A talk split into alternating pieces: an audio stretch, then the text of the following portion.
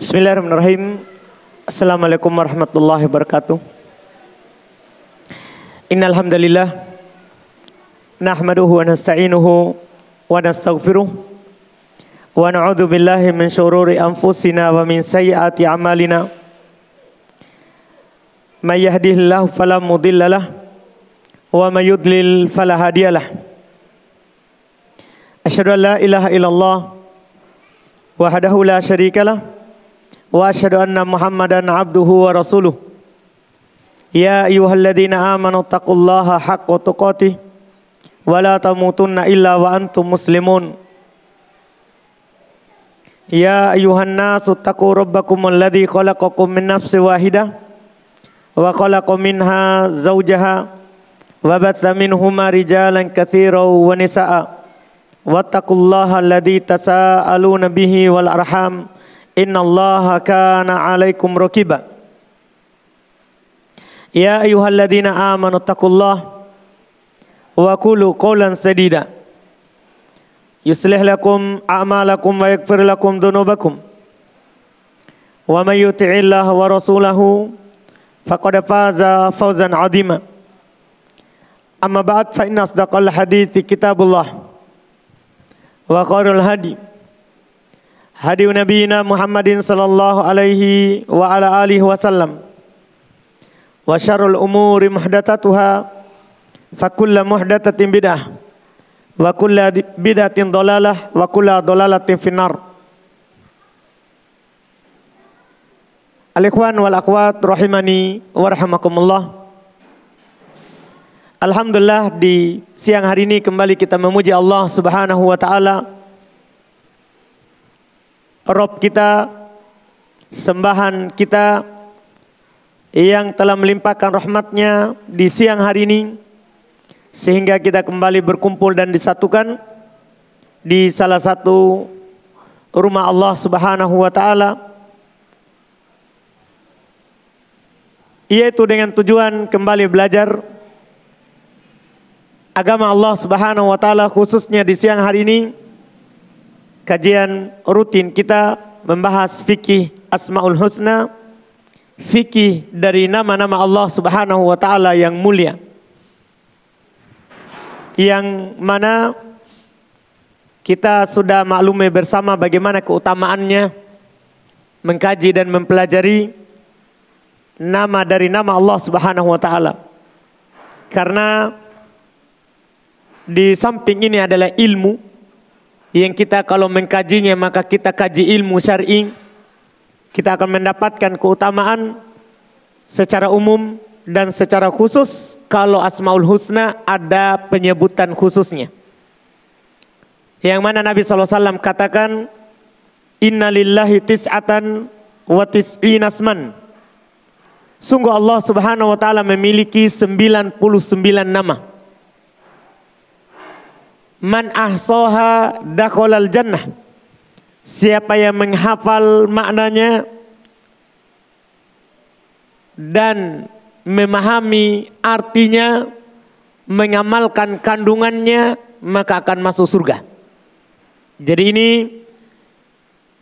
jaminan langsung dari Nabi kita Muhammad SAW bahwa orang yang memahami fikih Asmaul Husna itu surga. Itu adalah surga untuknya. Kita di hari ini akan menyebutkan poin ke-31 dari nama Allah Subhanahu wa taala yang disebutkan oleh Syekh Abdul Razak bin Muhsin hafizahullahu taala yaitu nama As-Sami. Nama As-Sami. Ini tidak liar dalam pendengaran kita karena nama ini sering sekali berulang dalam Al-Quran. Bahkan hampir 50 tempat. Di dalam Al-Quran ini nama diulang. Mendekati 50 tempat di dalam Al-Quran. Saking seringnya nama ini disebutkan oleh Allah subhanahu wa ta'ala. Rob kita, sembahan kita di dalam Al-Quran. Nama yang mulia di antara yang Allah Subhanahu wa taala sebutkan adalah apa yang ada dalam surat Al-Mujadalah ayat 1. Kata Allah Subhanahu wa taala, "Qad sami Allahu qaulal lati tujadiluka fi zawjiha wa tashtaki ila Allahi wallahu yasma'u tahawurakuma. Innallaha sami'un basir." Sungguh Allah Subhanahu wa taala telah mendengar ucapan orang yaitu seorang perempuan yang ber, berbicara kepada engkau tentang suaminya dan mengadukan permasalahannya kepada Allah Subhanahu wa taala. Allah mendengar percakapan kalian berdua. Allah sungguh dia sami maha mendengar. Basir lagi maha melihat. Titik poin kita terdapat penyebutan sami'un. Innallaha sami'un. Sungguh Allah Subhanahu wa taala dialah as-sami. Yang maha mendengar. Demikian pula ini yang disebutkan dalam surat Asy-Syura ayat 11. Kata Allah Subhanahu wa taala, "Laisa kamitslihi syai'un wa huwas samiul basir." Tidak ada sesuatu apa pun yang serupa dengan Allah. Dia maha mendengar lagi maha melihat. Di, di dalamnya terdapat penyebutan kata As-Sami'u. Nama Allah subhanahu wa ta'ala yang maha mendengar. Demikian pula disebutkan dalam surah Al-Baqarah ayat 127. Ini nama ini. Kata Allah Subhanahu wa taala, "Wa idh yarfa'u Ibrahimul qawa'ida minal baiti wa Ismailu rabbana taqabbal minna. Innaka antas samiul alim." Ini penyebutan yang ketiga. Kata Allah ketika Nabi Ibrahim mengangkat pondasi Ka'bah dan Ismail anak beliau dari jalur Hajar. Karena Nabi Ibrahim alaihissalatu wassalam beliau hanya memiliki dua orang anak.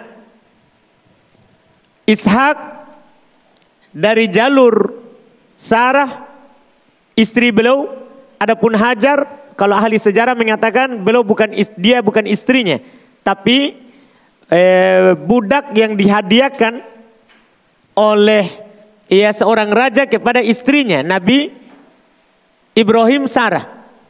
Kemudian di ya gauli oleh Nabi Ibrahim karena boleh kalau budak. Ada yang mengatakan seperti itu dalam sejarah. Dan ada yang mengatakan juga asalnya dia budak kemudian dimerdekakan dan dinikahi. Dan dinikahi. Al-Muhim ini jalur kedua juga memiliki satu orang anak namanya Ismail. Kalau Ishak beliau di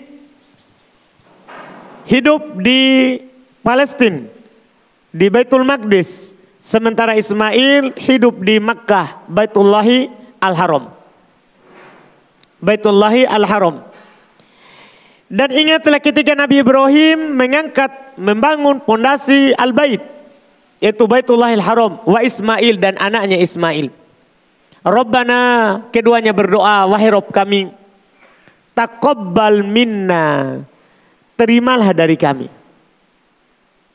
Iya, terimalah dari kami. Innaka antas sami'ul alim. Sungguh engkau ya Allah maha as-sami' maha mendengar lagi maha mengetahui. Di dalamnya terdapat penyebutan nama Allah as-sami' nama Allah As-Sami. Apa artinya As-Sami? Tadi beberapa kali anak terjemahkan sudah tiga kali. As-Sami yang maha mendengar. Cuman pendengaran Allah subhanahu wa ta'ala jangan sampai kita samakan dengan pendengaran kita makhluk. Karena laisa kamitlihi syai. Itu yang perlu dulu kita tanamkan dalam diri kita supaya nanti tidak muncul keyakinan sama. Allah katakan Laisa kamitslihi syai. Tidak ada sesuatu apa pun yang serupa dengan Allah. Artinya sebentar kita akan terangkan makna as-sami. Allah mendengar berarti tidak sama dengan dengar pendengarannya apa? Makhluk. Jangan sampai kita menyerupakan. Kan di sana ada kelompok sesat yang dinamakan golongan musyabbihah. Golongan orang-orang yang menyerupakan Allah dengan makhluk.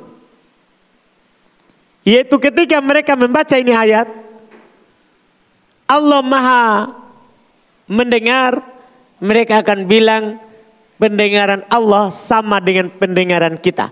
Tidak. Allah sendiri yang mengatakan, Wahuwas sami'ul basir.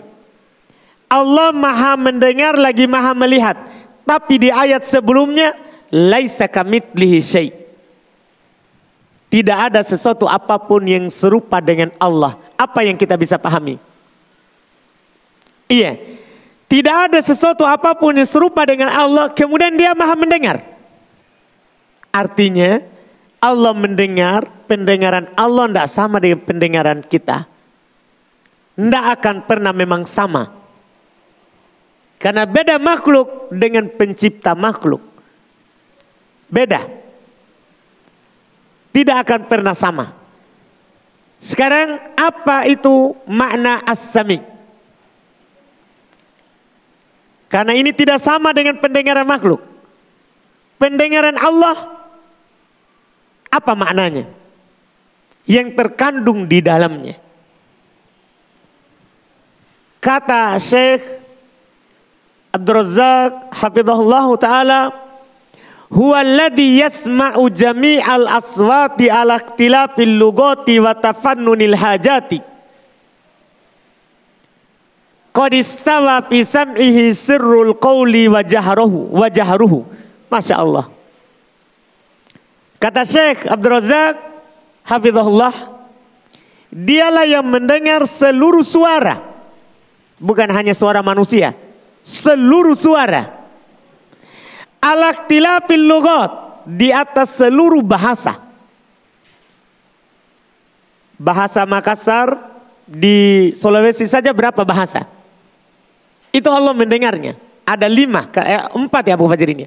Baik, di luar Sulawesi berapa? Kan begitu? Iya. Allah subhanahu wa ta'ala maha mendengar seluruh suara dan seluruh bahasa. watafannunil hajat dan berbeda-bedanya kebutuhan orang yang meminta. Dalam satu waktu itu banyak yang meminta kepada Allah dan permintaannya berbeda-beda. Itu Allah dengar semuanya. Allah dengar semuanya. Ini tentunya menunjukkan bedanya dengan makhluk. Kita kalau dengar satu tidak bisa dengar yang lain. Tentunya itu tepat dengan kita yang penuh dengan kekurangan. Ini yang punya pendengaran adalah yang maha sempurna. Yang as-somad. Tidak butuh kepada sesuatu apa pun, tapi segala sesuatu butuh kepadanya. Iya. Yang al-hay, yang maha hidup. Semuanya hidup karena dia yang memberikan kepadanya kehidupan. Yang kata Nabi SAW, Ad-Dohir. Laisa fauqahu Yang maha tinggi, tidak ada lagi di atasnya sesuatu apa pun. Al-Batin. Laisa dunahu Yang maha mengetahui yang batin, tidak ada sesuatu apa pun yang tertutup darinya. Bahkan kita baru terbetik, itu Allah tahu. Apalagi yang kita ucapkan. Jadi dia Allah Subhanahu wa taala yang maha mendengar seluruh bahasa dan seluruh kebutuhan. Bahkan di dalam hadis qudsi yang paling menakjubkan kata Allah Subhanahu wa taala, "Ya ibadi, wahai hamba-hambaku, lau anna awwalakum wa akhirakum wa insakum wa jinnakum" Seandainya orang yang pertama dari kalian dan orang yang paling terakhirnya Coba kumpulkan dari Adam sampai nanti manusia yang terakhir lahir. Itu kata Allah ini. Insakum wa jinnakum. Manusianya dan jinnya. Dari kalangan manusia kita ikhwan akhwat dan jinnya. Qamu fi su'idin wahidin fasa'aluni. Mereka berdiri semuanya di satu lembah, satu gunung, satu tempat.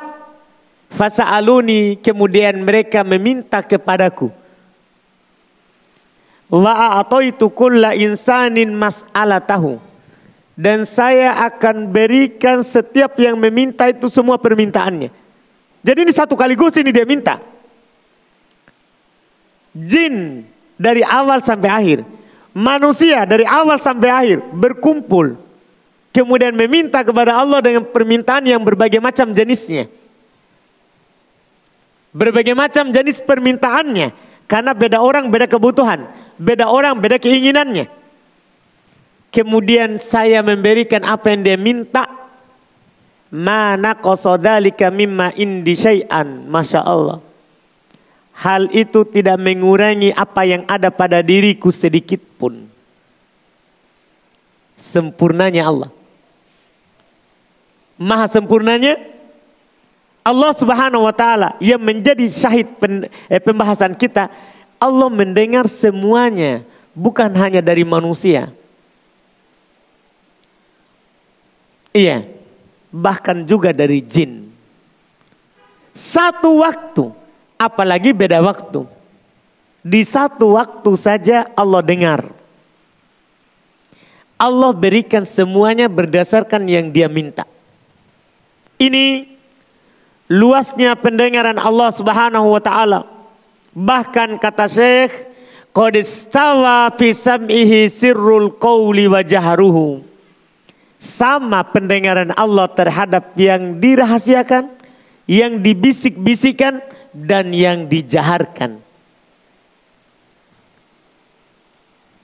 Kita ucapkan dengan terang-terangan besar suaranya. Atau kita ucapkan dengan bisi-bisi. Itu sama Allah dengar. Allah dengar. Makanya di dalam ayat, beberapa ayat banyak dikatakan Allah bersama kita. Allah bersama kita di mana pun kita berada. Kenapa itu? Karena Allah mendengar setiap yang kita ucapkan. Bukan berarti Allah bersatu dalam badan kita. Enggak. Iya. Allah maha tinggi. Di atas ars. Cuman karena Allah mendengar semua apa pun yang kita ucapkan. Maka Allah bersama kita. Allah bersama kita. Allah Subhanahu wa taala berfirman di dalam Al-Qur'an, "Sawa'um minkum man asarrul qawla wa man jahara bih." Wa man huwa mustakhfim bil laili wa saribum bin nahar. Masya Allah.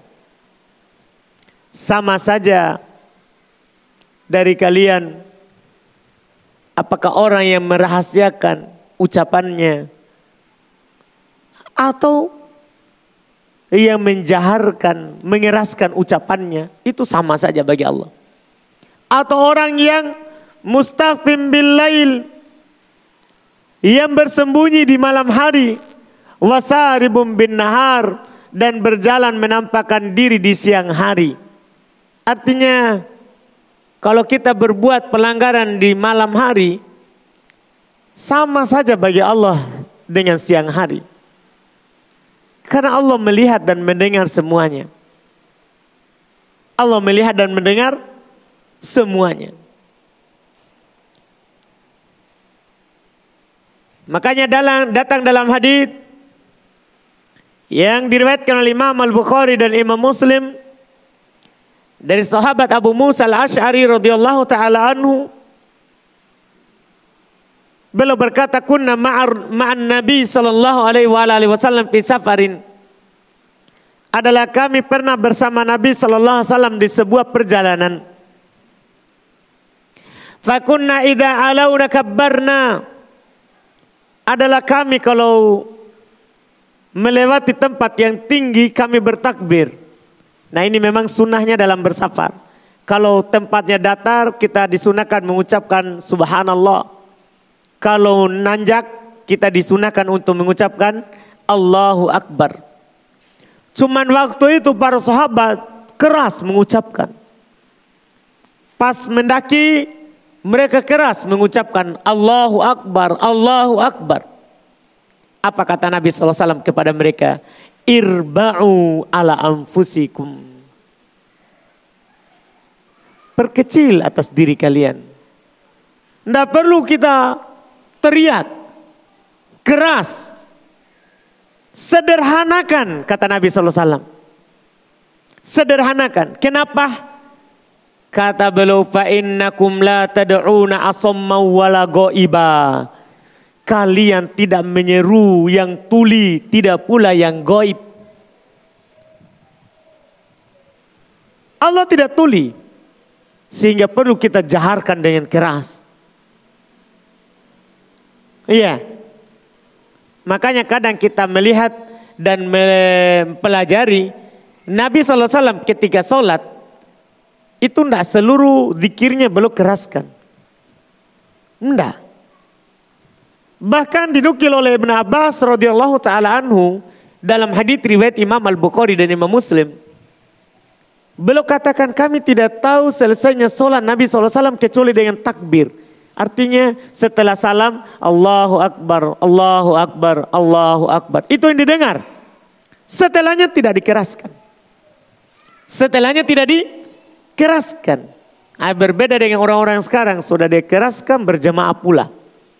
Itu sudah berlipat ganda salahnya tentunya. Karena ini lihat, lihat kata Nabi SAW. Irba'u ala anfusikum.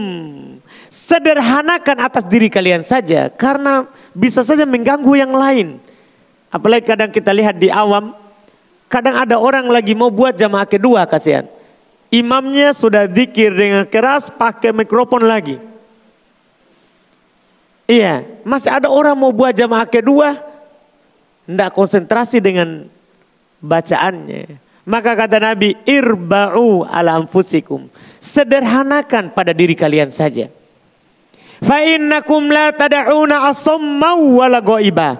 Kalian tidaklah menyeru yang tuli, tidak pula yang goib. Allah bersama kalian di mana pun kalian berada. Maksudnya mendengar dan melihat apa yang kalian lakukan, apa yang kalian katakan.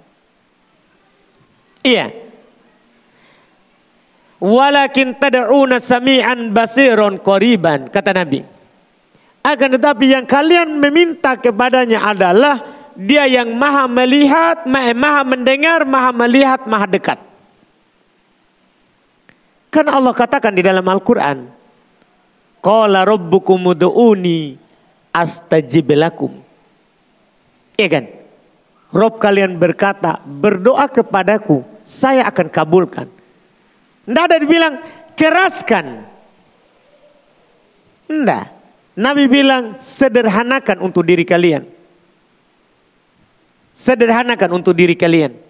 Kalian tidaklah berdoa kepada yang goib. Kalian tidaklah berdoa kepada yang tuli. Akan tetapi yang kalian minta kepadanya adalah dia Allah yang sami'an maha mendengar. Basiron maha melihat. Koriban maha dekat. Ini ajaran Nabi kepada kita. Muhammad sallallahu alaihi wasallam.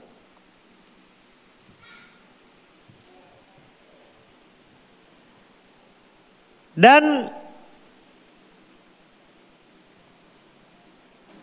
Allah Subhanahu wa taala telah mengingkari orang-orang musyrikin yang mengatakan Allah Subhanahu wa taala tidak mendengar kalau dibisik-bisikan.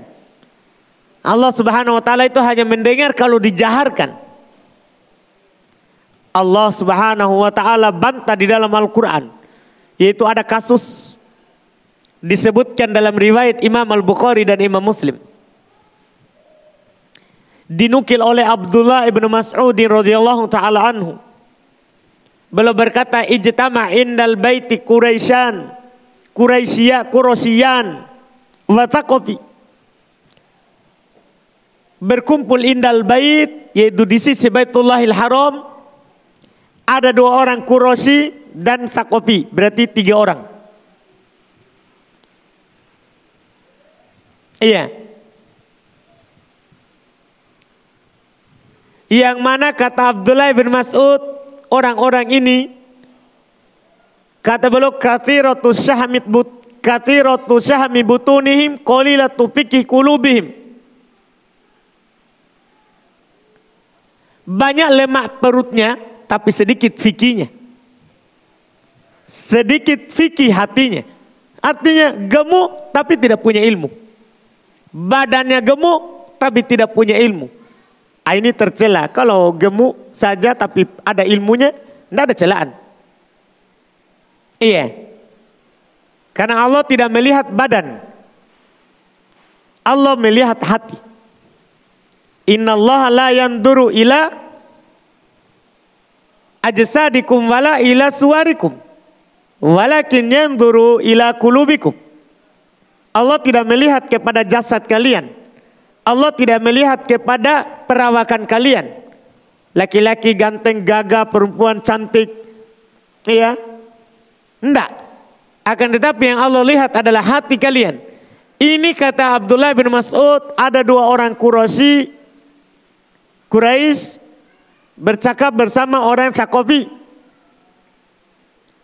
Mereka adalah orang-orang yang banyak lemak perutnya, tapi sedikit fikih hatinya. Artinya sehat badannya gemuk tapi tidak punya ilmu. Faqala ahaduhum berkata salah seorang dari mereka, Atarawna anna Allah yasma'u manakul? Apakah kalian memandang bahwa Allah mendengar apa yang kita katakan. Jadi mereka bercakap tentang Allah. Maka berkata yang lain, yasmau in jaharna wa yasmau in akhfaina. Dia mendengar kalau kita jaharkan, tidak mendengar kalau kita sembunyikan, kecilkan. Sangkaan musyrikin. Yang mana ini nanti yang tidak boleh kita lakukan. Tidak boleh kita berkeyakinan seperti itu. Kita harus berkeyakinan yang lawan dari musyrikin. Yaitu sebaliknya. Allah mendengar sama saja kita jaharkan ataupun kita apa? Bisik-bisikan. Tapi ini keyakinan kaum musyrikin. Turun Al-Quran membantahnya. Turun Al-Quran membantahnya. Kata Allah, "Wa ma kuntum tastatiruna ayyashhada 'alaikum sam'ukum wala absarukum wala juludukum." Walakin dhanantum anna Allah la ya'lamu katsiran mimma ta'malun. Tidaklah kalian tertutup, tersembunyi oleh apa yang akan disaksikan oleh pendengaran kalian penglihatan kalian, tidak pula kulit kalian. Karena nanti di hari kiamat ini pendengaran, penglihatan, kulit bahkan kulit kita ini akan bersaksi atas kita. Bukan lagi mulut yang berucap.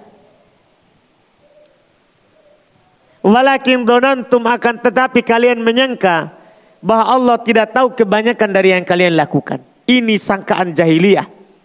Ini sangkaan kekafiran.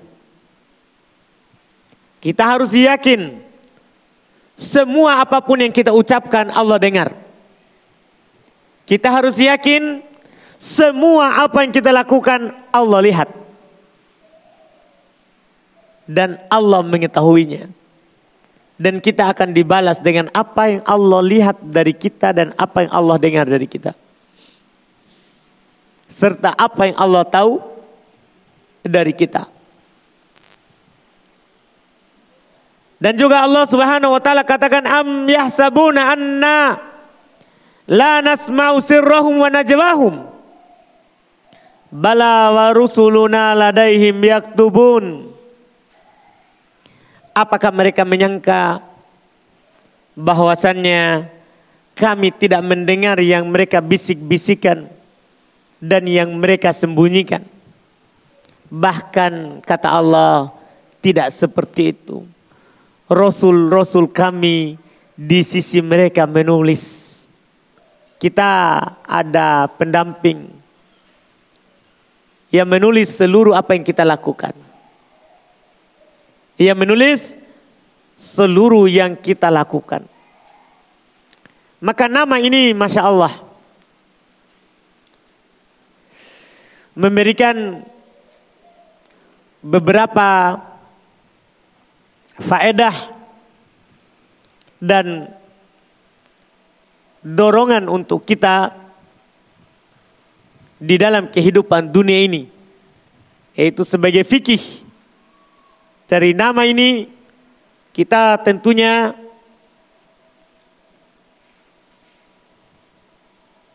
akan terlahir dari diri kita yang paham nama ini, nama As-Sami, kita tentunya akan selalu merasa diawasi oleh Allah. Kita akan selalu merasa diawasi oleh Allah Subhanahu wa taala. Karena Allah Subhanahu wa taala selalu mendengar apa yang kita ucapkan. Selalu mendengar apa yang kita ucapkan. Kemudian yang kedua, nama ini memberikan dorongan untuk kita selalu langsung berdoa kepada Allah. Meminta kepadanya. Apa pun yang kita butuhkan, tidak perlu kita ambil perantara. Tidak perlu kita ambil perantara. Kenapa? Karena Allah mendengar semua permintaan kita. Karena Allah Subhanahu wa taala mendengar semua permintaan kita. Juga nama ini memberikan faedah untuk kita bahwa kita di dalam kehidupan ini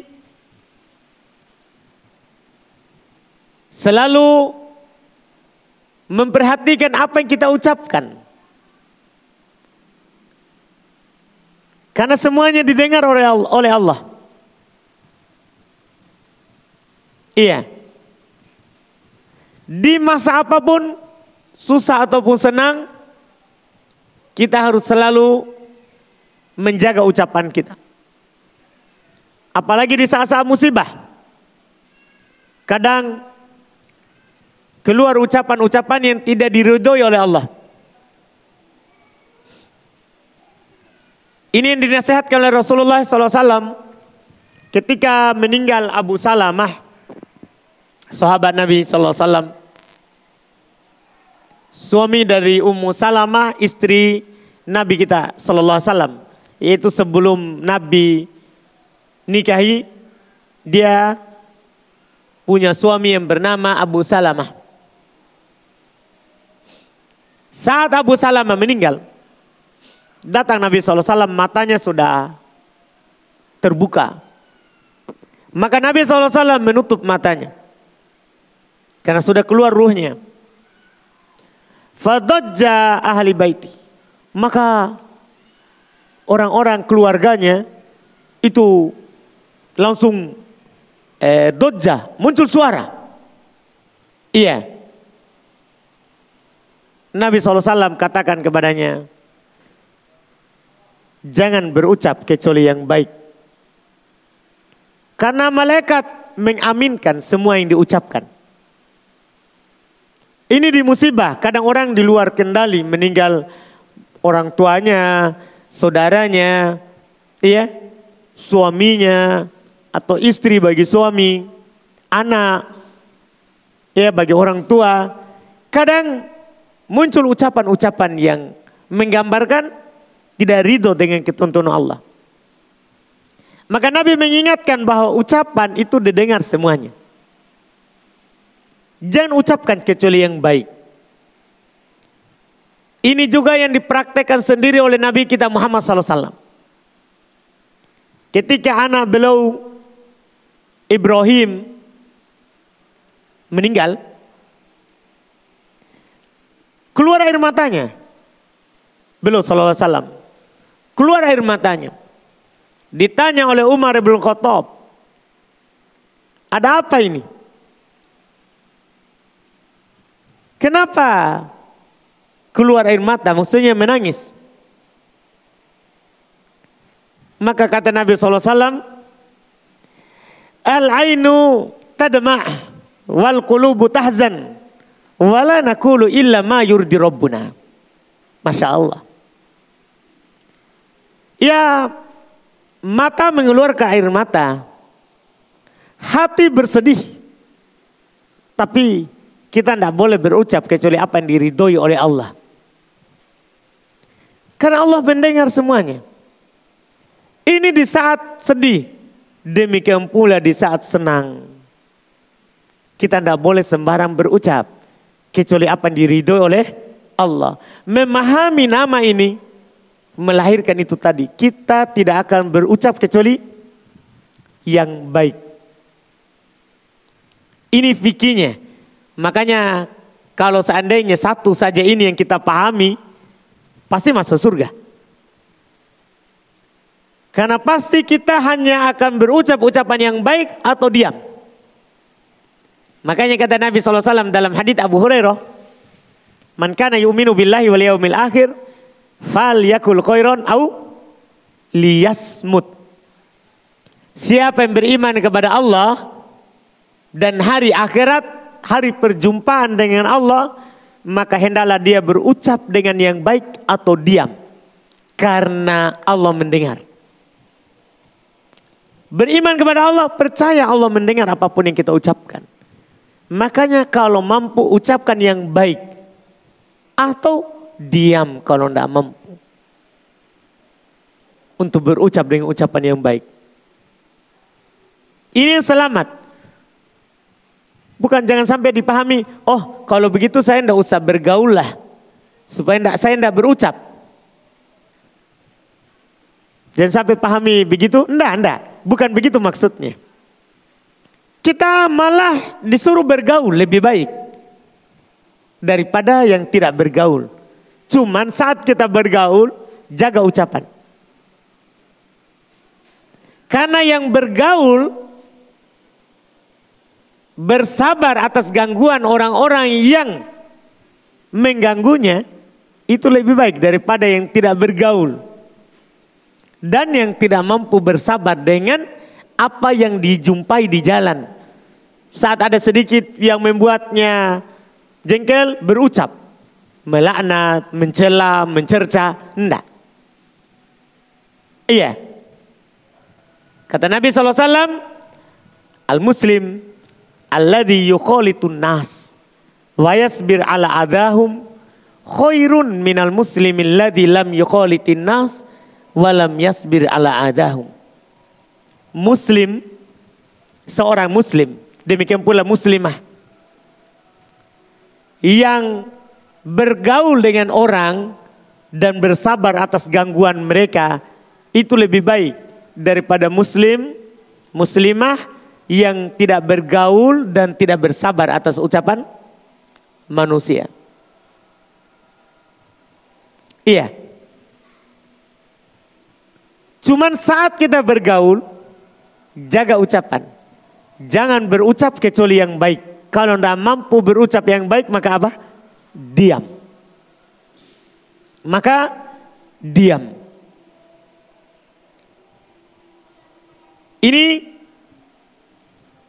fikih dari nama ini. Nama Allah As-Sami. Nama Allah As-Sami. Di antara juga faedahnya nama ini ketika kita memahaminya semuanya Allah dengar. Sama saja apakah kita terang-terangan mengucapkannya atau kita sembunyikan. Berarti Allah akan membalas atas apa yang dia dengar dari kita. Kalau kita berucap yang baik, yang terang-terangan ataupun yang tersembunyi, Allah akan membalas kebaik dengan kebaikan. Kata Allah lilladina ahsanu al-husna bagi orang-orang yang berbuat baik makanya baginya surga. Baginya surga. Dan Allah akan membalas ucapan yang tidak baik. Apakah yang diucapkan dengan terang-terangan atau yang diucapkan secara tersembunyi. Allah akan membalasnya. Dengan balasan yang Allah Subhanahu wa taala tentunya sudah siapkan untuk orang-orang yang berbuat buruk. Oleh karena itu, orang yang beruntung adalah orang yang menjaga apa yang ada di antara dua bibirnya dan yang menjaga apa yang ada di antara kedua pahanya. Itu yang beruntung karena Nabi SAW berani menjaminkannya surga. Kata Nabi, man yadman li ma baina lahayaihi wa ma baina rijlaihi adman lahul jannah. Siapa yang menjamin kepadaku apa yang ada di antara dua bibirnya dan apa yang ada di antara dua kakinya, dua bibir maksudnya lidah, dua kaki maksudnya kemaluan. Maka saya jamin untuknya surga. Iya, saya jamin untuknya surga. Ia menjamin ini Nabi SAW. Yang kita tidak ragukan tentunya kebenarannya. Karena apa yang beliau ucapkan adalah wahyu dari Allah Subhanahu wa taala. Ini alhamdulillah secara singkat apa yang terkandung di dalam nama yang mulia ini nama As-Sami. Nama As-Sami. Mudah-mudahan bermanfaat. Insya Allah di pertemuan akan datang kita lanjutkan lagi pasangannya karena berikutnya adalah pasangannya yaitu Al-Basir di poin ke-32. Insya Allah di pertemuan akan datang kita masuk di tanya jawab.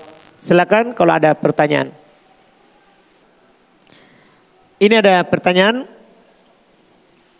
Pertama, yang memabukkan maka yang sedikit dan banyaknya haram. Apakah sesuatu yang memabukkan jika menjadi bahan sesuatu makanan walaupun hanya sedikit sudah tidak bisa dimakan karena haram? Tidak. Kalau sudah menjadi bumbu makanan kan bukan lagi minuman itu namanya. Namanya jadi kue. Namanya jadi ya lain. Yang disebutkan oleh Syekh bin Utsaimin rahimallahu taala itu tidak jadi memabukkan. Sudah boleh dimakan. Sudah boleh dimakan. Karena bukan lagi minumannya. Bukan, tapi sudah jadi kue. Itu yang ana baca dari apa yang diuraikan oleh Syekh Ibnu Utsaimin rahimallah. Adapun hadis bahwa semua yang memabukkan itu haram sedikit dan banyaknya itu maksudnya yang memabukkan khomernya Bukan yang sudah dicampur dengan yang lain. Bukan yang sudah dicampur dengan yang lain. Itu wallahu a'lam.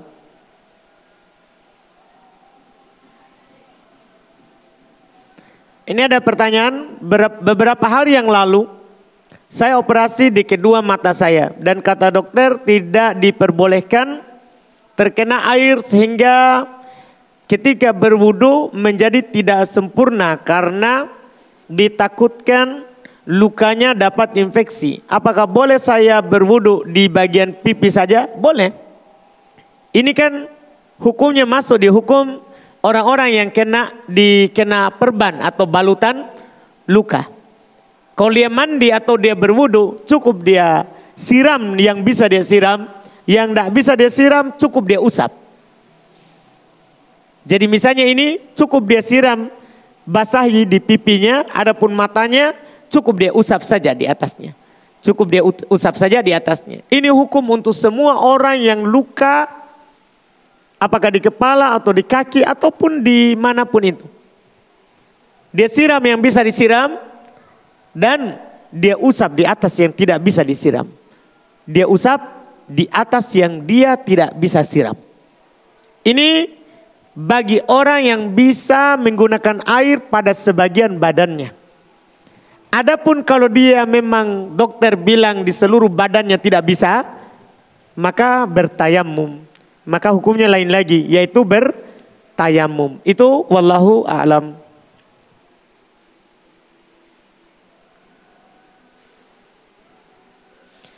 Kemudian berikutnya, bolehkah menjamak solat dengan jarak safar kurang, kurang lebih 2 kilometer? Iya. Jarak safar para ulama sebenarnya kalau lebih dari 80 kilo itu sudah disepakati, itu sudah boleh jamak kosor. Mereka berselisih bagaimana kalau kurang dari 80 kilometer. Itu berselisih. Dalam madhab syafi'iyah, demikian pula ulama-ulama madhab yang lain, mereka anggap itu tidak boleh kalau kurang dari 80. Sementara sebagian ulama madhab yang lain mengatakan boleh karena tidak ada ketentuan batasan dalam syariat yang menyebutkan berapa kilometernya. Dan ini pendapat yang benarnya dalam hal ini kembali ke uruf, kembali ke kebiasaan masyarakat. Kalau dia ke tempat itu safar enggak mereka bilang atau tidak. Kalau masyarakat ke situ sudah dia bilang safar, masuk hukum safar. Maka di penanya ini, lihat apakah jarak 20 kilo ini orang sudah katakan safar atau belum. Ini pendapat dikuatkan oleh Syekhul Islam Ibn Tamiyah. Kalau belum, maka kita katakan tidak boleh jama kosor. Tidak boleh jama kosor. Itu wallahualam. Kembali ke urf. Karena al-ada itu muhakkamah adat, kebiasaan masyarakat itu bisa menjadi hukum kalau tidak ada dalil-dalil syar'i. Kalau tidak ada dalil syar'i. Nah, ini tidak ada pembatasan dari dalil syar'i. Berapa kilometernya? Tidak ada. Maka di sini kembali ke adat. Kembali ke adat. Itu wallah alam. Sebab sebab bolehnya menjamak solat itu apa saja? Ini menjamak ya bukan jamak kosor. Kalau jama kosor sebabnya safar. Kalau jama kosor itu satu sebabnya, safar. Adapun menjama saja, sebab-sebabnya adalah kalau ada hujan atau rasa takut atau sakit boleh. Kalau ada hujan atau ada rasa takut atau ada sakit ya semisal hujan adalah lumpur angin kencang semua itu boleh kita menjamak solat. Tanpa kosor tentunya. Tanpa kosor. Maksudnya misalnya kita sholat maghrib. Hujan deras. Boleh sholat maghrib. Kemudian setelah sholat maghrib langsung sholat isya. Boleh. Iya. Boleh hal tersebut. Ini yang disebutkan. Di dalam ilah atau udur untuk menjamak solat. Demikian pula ini khusus untuk perempuan. Yang disebutkan oleh para ulama perempuan yang istihadah. Yang tidak pernah berhenti darahnya. Keluar, bukan darah haid, tapi darah istihadah. Darah karena ada urat yang pecah di dalam. Ada gesekan di dalam sehingga ada urat yang lecet. Selalu keluar darahnya. Ini juga boleh jamak dengan cara yang disebutkan oleh para ulama jamasuri. Jamasuri. Jamasuri itu diakhirkan sholat duhur sampai mendekati waktu asar. Akhirnya dia sholat duhur, pas masuk waktu asar langsung sholat asar. Dengan sekali mandi. Dia sholat maghrib mendekati akhir waktu maghrib.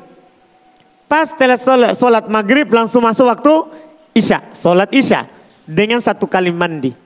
Itu namanya jama suri. Dalam hadis Nabi SAW, kalau mampu, kalau mampu. Jadi dia mandi tiga kali sehari. Sebelum sholat subuh, sebelum sholat duhur dan asar, sebelum sholat maghrib dan isya. Ini kalau mampu. Kalau tidak mampu maka cukup dia cuci, dia sholat seperti biasa. Dia cuci darahnya setiap mau sholat, kemudian berwudu, adapun keluar saat waktu sholat, tidak membatalkan sholatnya. Tidak membatalkan sholatnya. Ini di antara yang disebutkan terkait dengan apa yang ditanyakan wallahualam.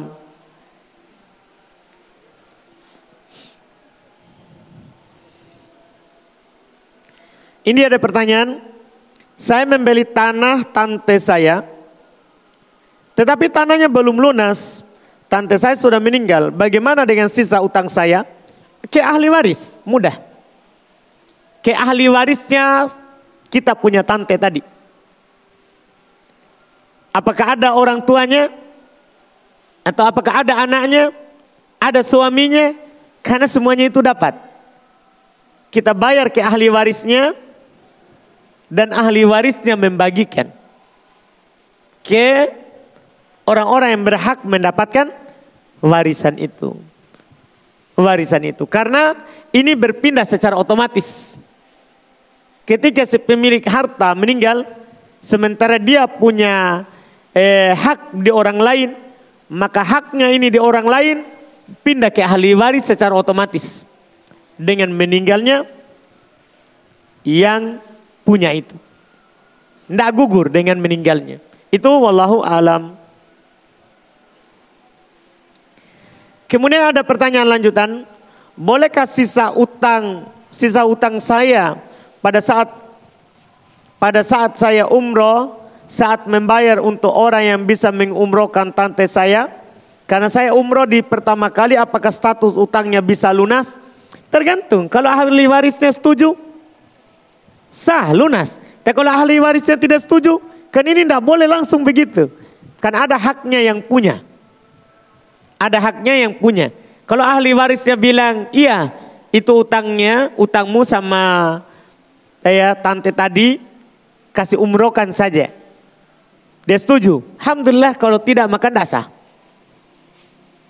Iya, tidak sah, tidak dianggap tersebut. Hal tersebut. Oh baik. Ada lanjutannya lagi.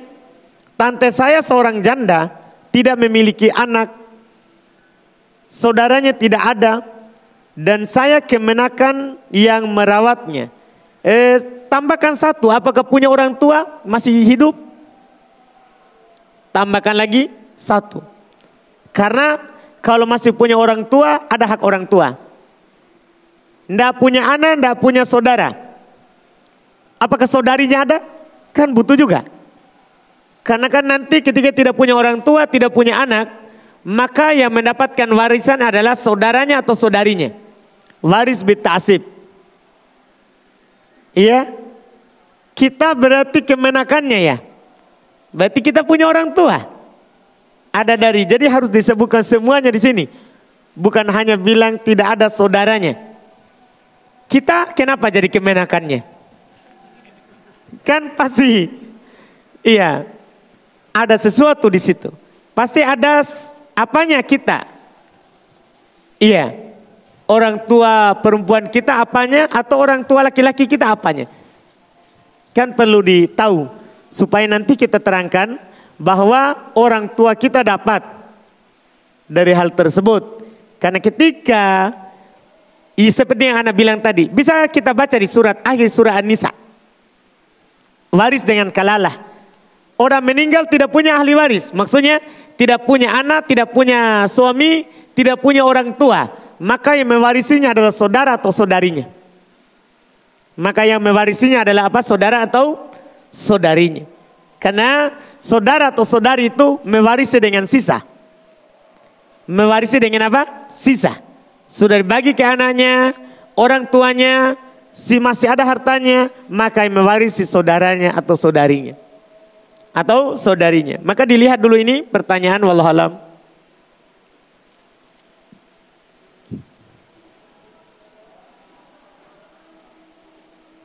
Kemudian pertanyaan berikutnya, bagaimana hukum puasa Ramadan yang bertahun-tahun ditinggalkan dengan sengaja? Haruskah diganti semua? Jika tidak mampu, apa yang harus saya lakukan? Tidak. Orang yang meninggalkan puasa yang sudah bertahun-tahun yang lalu dengan sengaja, itu tidak mengganti. Hukumnya dia adalah bertobat kepada Allah Subhanahu wa taala dengan tobat yang nasuha. Dan dengan tobat yang sebenarnya itu menghapus seluruh yang telah berlalu. Menghapus seluruh yang telah berlalu. Tidak dia kodok. Kecuali tahun kemarin. Tahun yang kemarin ini. Misalnya puasa kemarin dia lalai, dia tinggalkan puasa. Wajib dia ganti sekarang. Adapun yang sudah berlalu, wajib dia tobat. Tidak wajib dia mengganti. Tidak wajib dia mengganti, wallahu alam.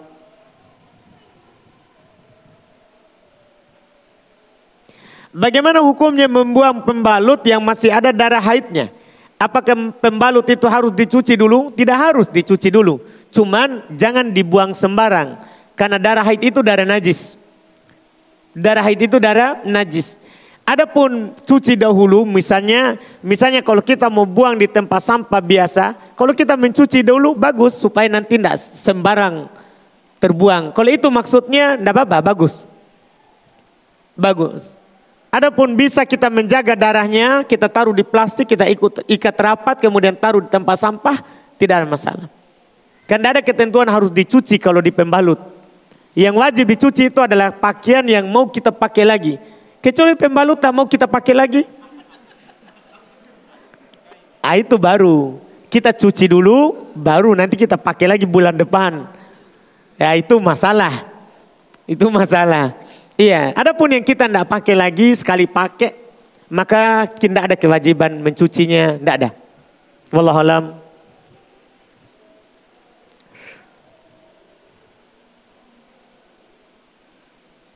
Apakah sama hukumnya makanan dari acara bid'ah seperti maulid dengan makanan dari acara ulang tahun sama? Karena sama-sama bid'ah namanya. Sama-sama bid'ah, sama hukumnya. Ah, ini pertanyaan agak susah mungkin ini. Harus dibaca baik-baik, didengar baik-baik. Jika masa haid saya delapan hari. Kemudian di hari kelima dan keenam tidak keluar darah. Kemudian saya mandi. Kemudian sholat dan berpuasa Ramadan. Tapi di akhir ketujuh dan kedelapan kembali keluar darah. Apakah sholat dan puasa saya sah karena pernah mendengar orang yang nifas berhenti di hari ke-36 kan sholat dan puasanya eh, eh, kemudian sholat dan puasa. Keluar darah di hari ke-40 sholat dan puasanya sah.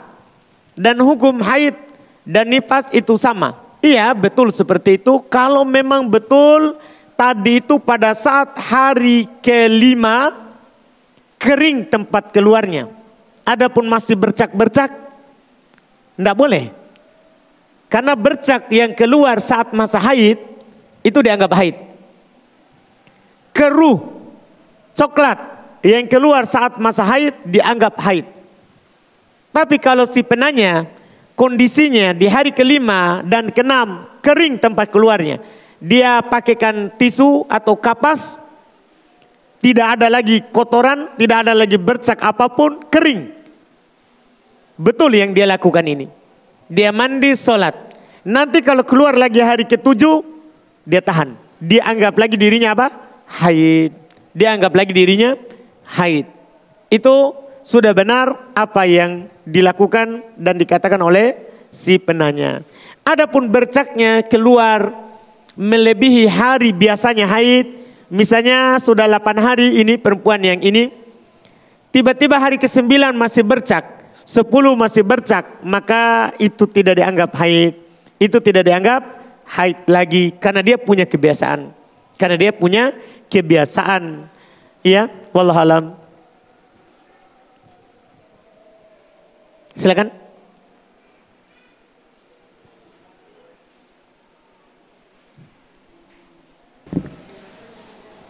Ya, pertanyaan via YouTube. Bismillah. Izin bertanya Ustaz, adakah keutamaan mendengar mendengar atau memutar audio murattal di rumah? Lewat HP atau radio? Baik. Untuk pertanyaan itu apakah ada keutamaan kita memutar radio atau lewat HP kemudian mendengarkannya? Ada keutamaan atau tidak ada? Karena mendengarkan kalamullah itu berpahala. Tetap ada pahalanya. Kenapa Allah perintahkan kalau tidak ada pahalanya? Karena kan dalam Al-Quran dikatakan wa idza Al-Quran fastami'u lahu wa ansitu la'allakum turhamun. Apabila dibacakan Quran lewat apa pun medianya, maka dengarkanlah dan diamlah agar supaya kalian dirahmati. Itu keutamaannya. Kalau kita dibacakan Quran kemudian dengar diam, kita akan dirahmati. Itu keutamaannya. Wallahualam. Silakan.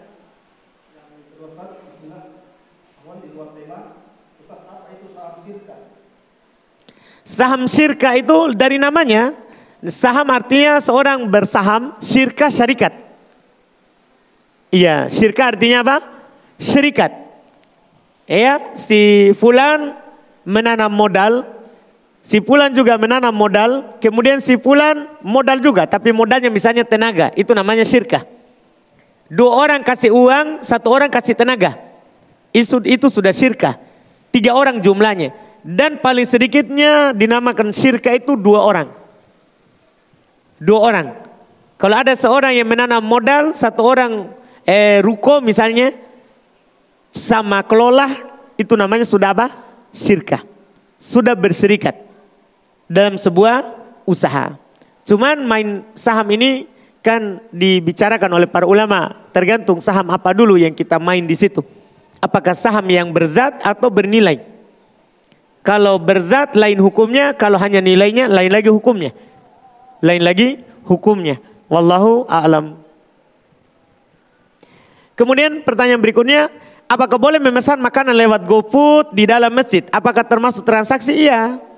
Kita SMS saja di masjid, tolong isikan pulsa saya, itu transaksi jual beli namanya. Transaksi jual beli tidak boleh di dalam masjid. Tidak boleh di dalam masjid. Dan kemudian apabila ada yang memesan sesuatu di luar, sudah akad sebelumnya, apakah boleh membayar di dalam masjid? Boleh. Karena bukan lagi berakad. Bukan lagi bertransaksi. Iya, bukan lagi bertransaksi. Sudah akad di luar. Sama dengan membayar utang. Membayar utang, kalau ada orang berutang kita mau bayar di masjid, tidak ada masalah. Bukan lagi bertransaksi. Wallahualam. Ini pertanyaan sama tapi tadi beda kertas ya dan beda juga orang yang menulis. Mungkin ini sama isi hatinya. Iya, Masya Allah. Apakah sama makanan maulid dengan makanan perayaan lainnya seperti ulang tahun? Tadi sudah kita jawab. Cuman sengaja saya eh, baca karena beda kertas, beda tulisannya. Cuman Masya Allah sama hatinya.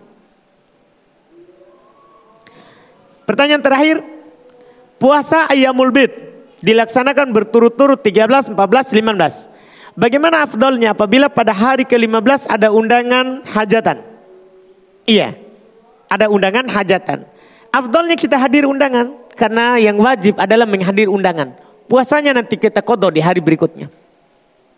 Puasanya kita kodo di hari berikutnya, boleh. Itu difatwakan oleh Syekh bin Bas rahmahullahu taala bahwasannya boleh mengkodok puasa ayamul bid di hari yang lain kalau pada saat ayamul bid itu kita ada udur syar'i.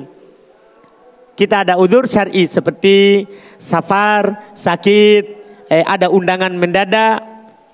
Itu wallahu a'lamu. Alhamdulillah kita cukupkan mudah-mudahan bermanfaat. Insya Allah taala kita bertemu lagi nanti di pembahasan eh, berikutnya di fikih Asmaul Husna. Mudah-mudahan apa yang kita ambil hari ini ada manfaatnya. Semua yang benarnya itu semata dari Allah. Yang salah dan kelirunya itu dari kekurangan kami. Subhanallah hamdik. Assalamualaikum warahmatullahi wabarakatuh.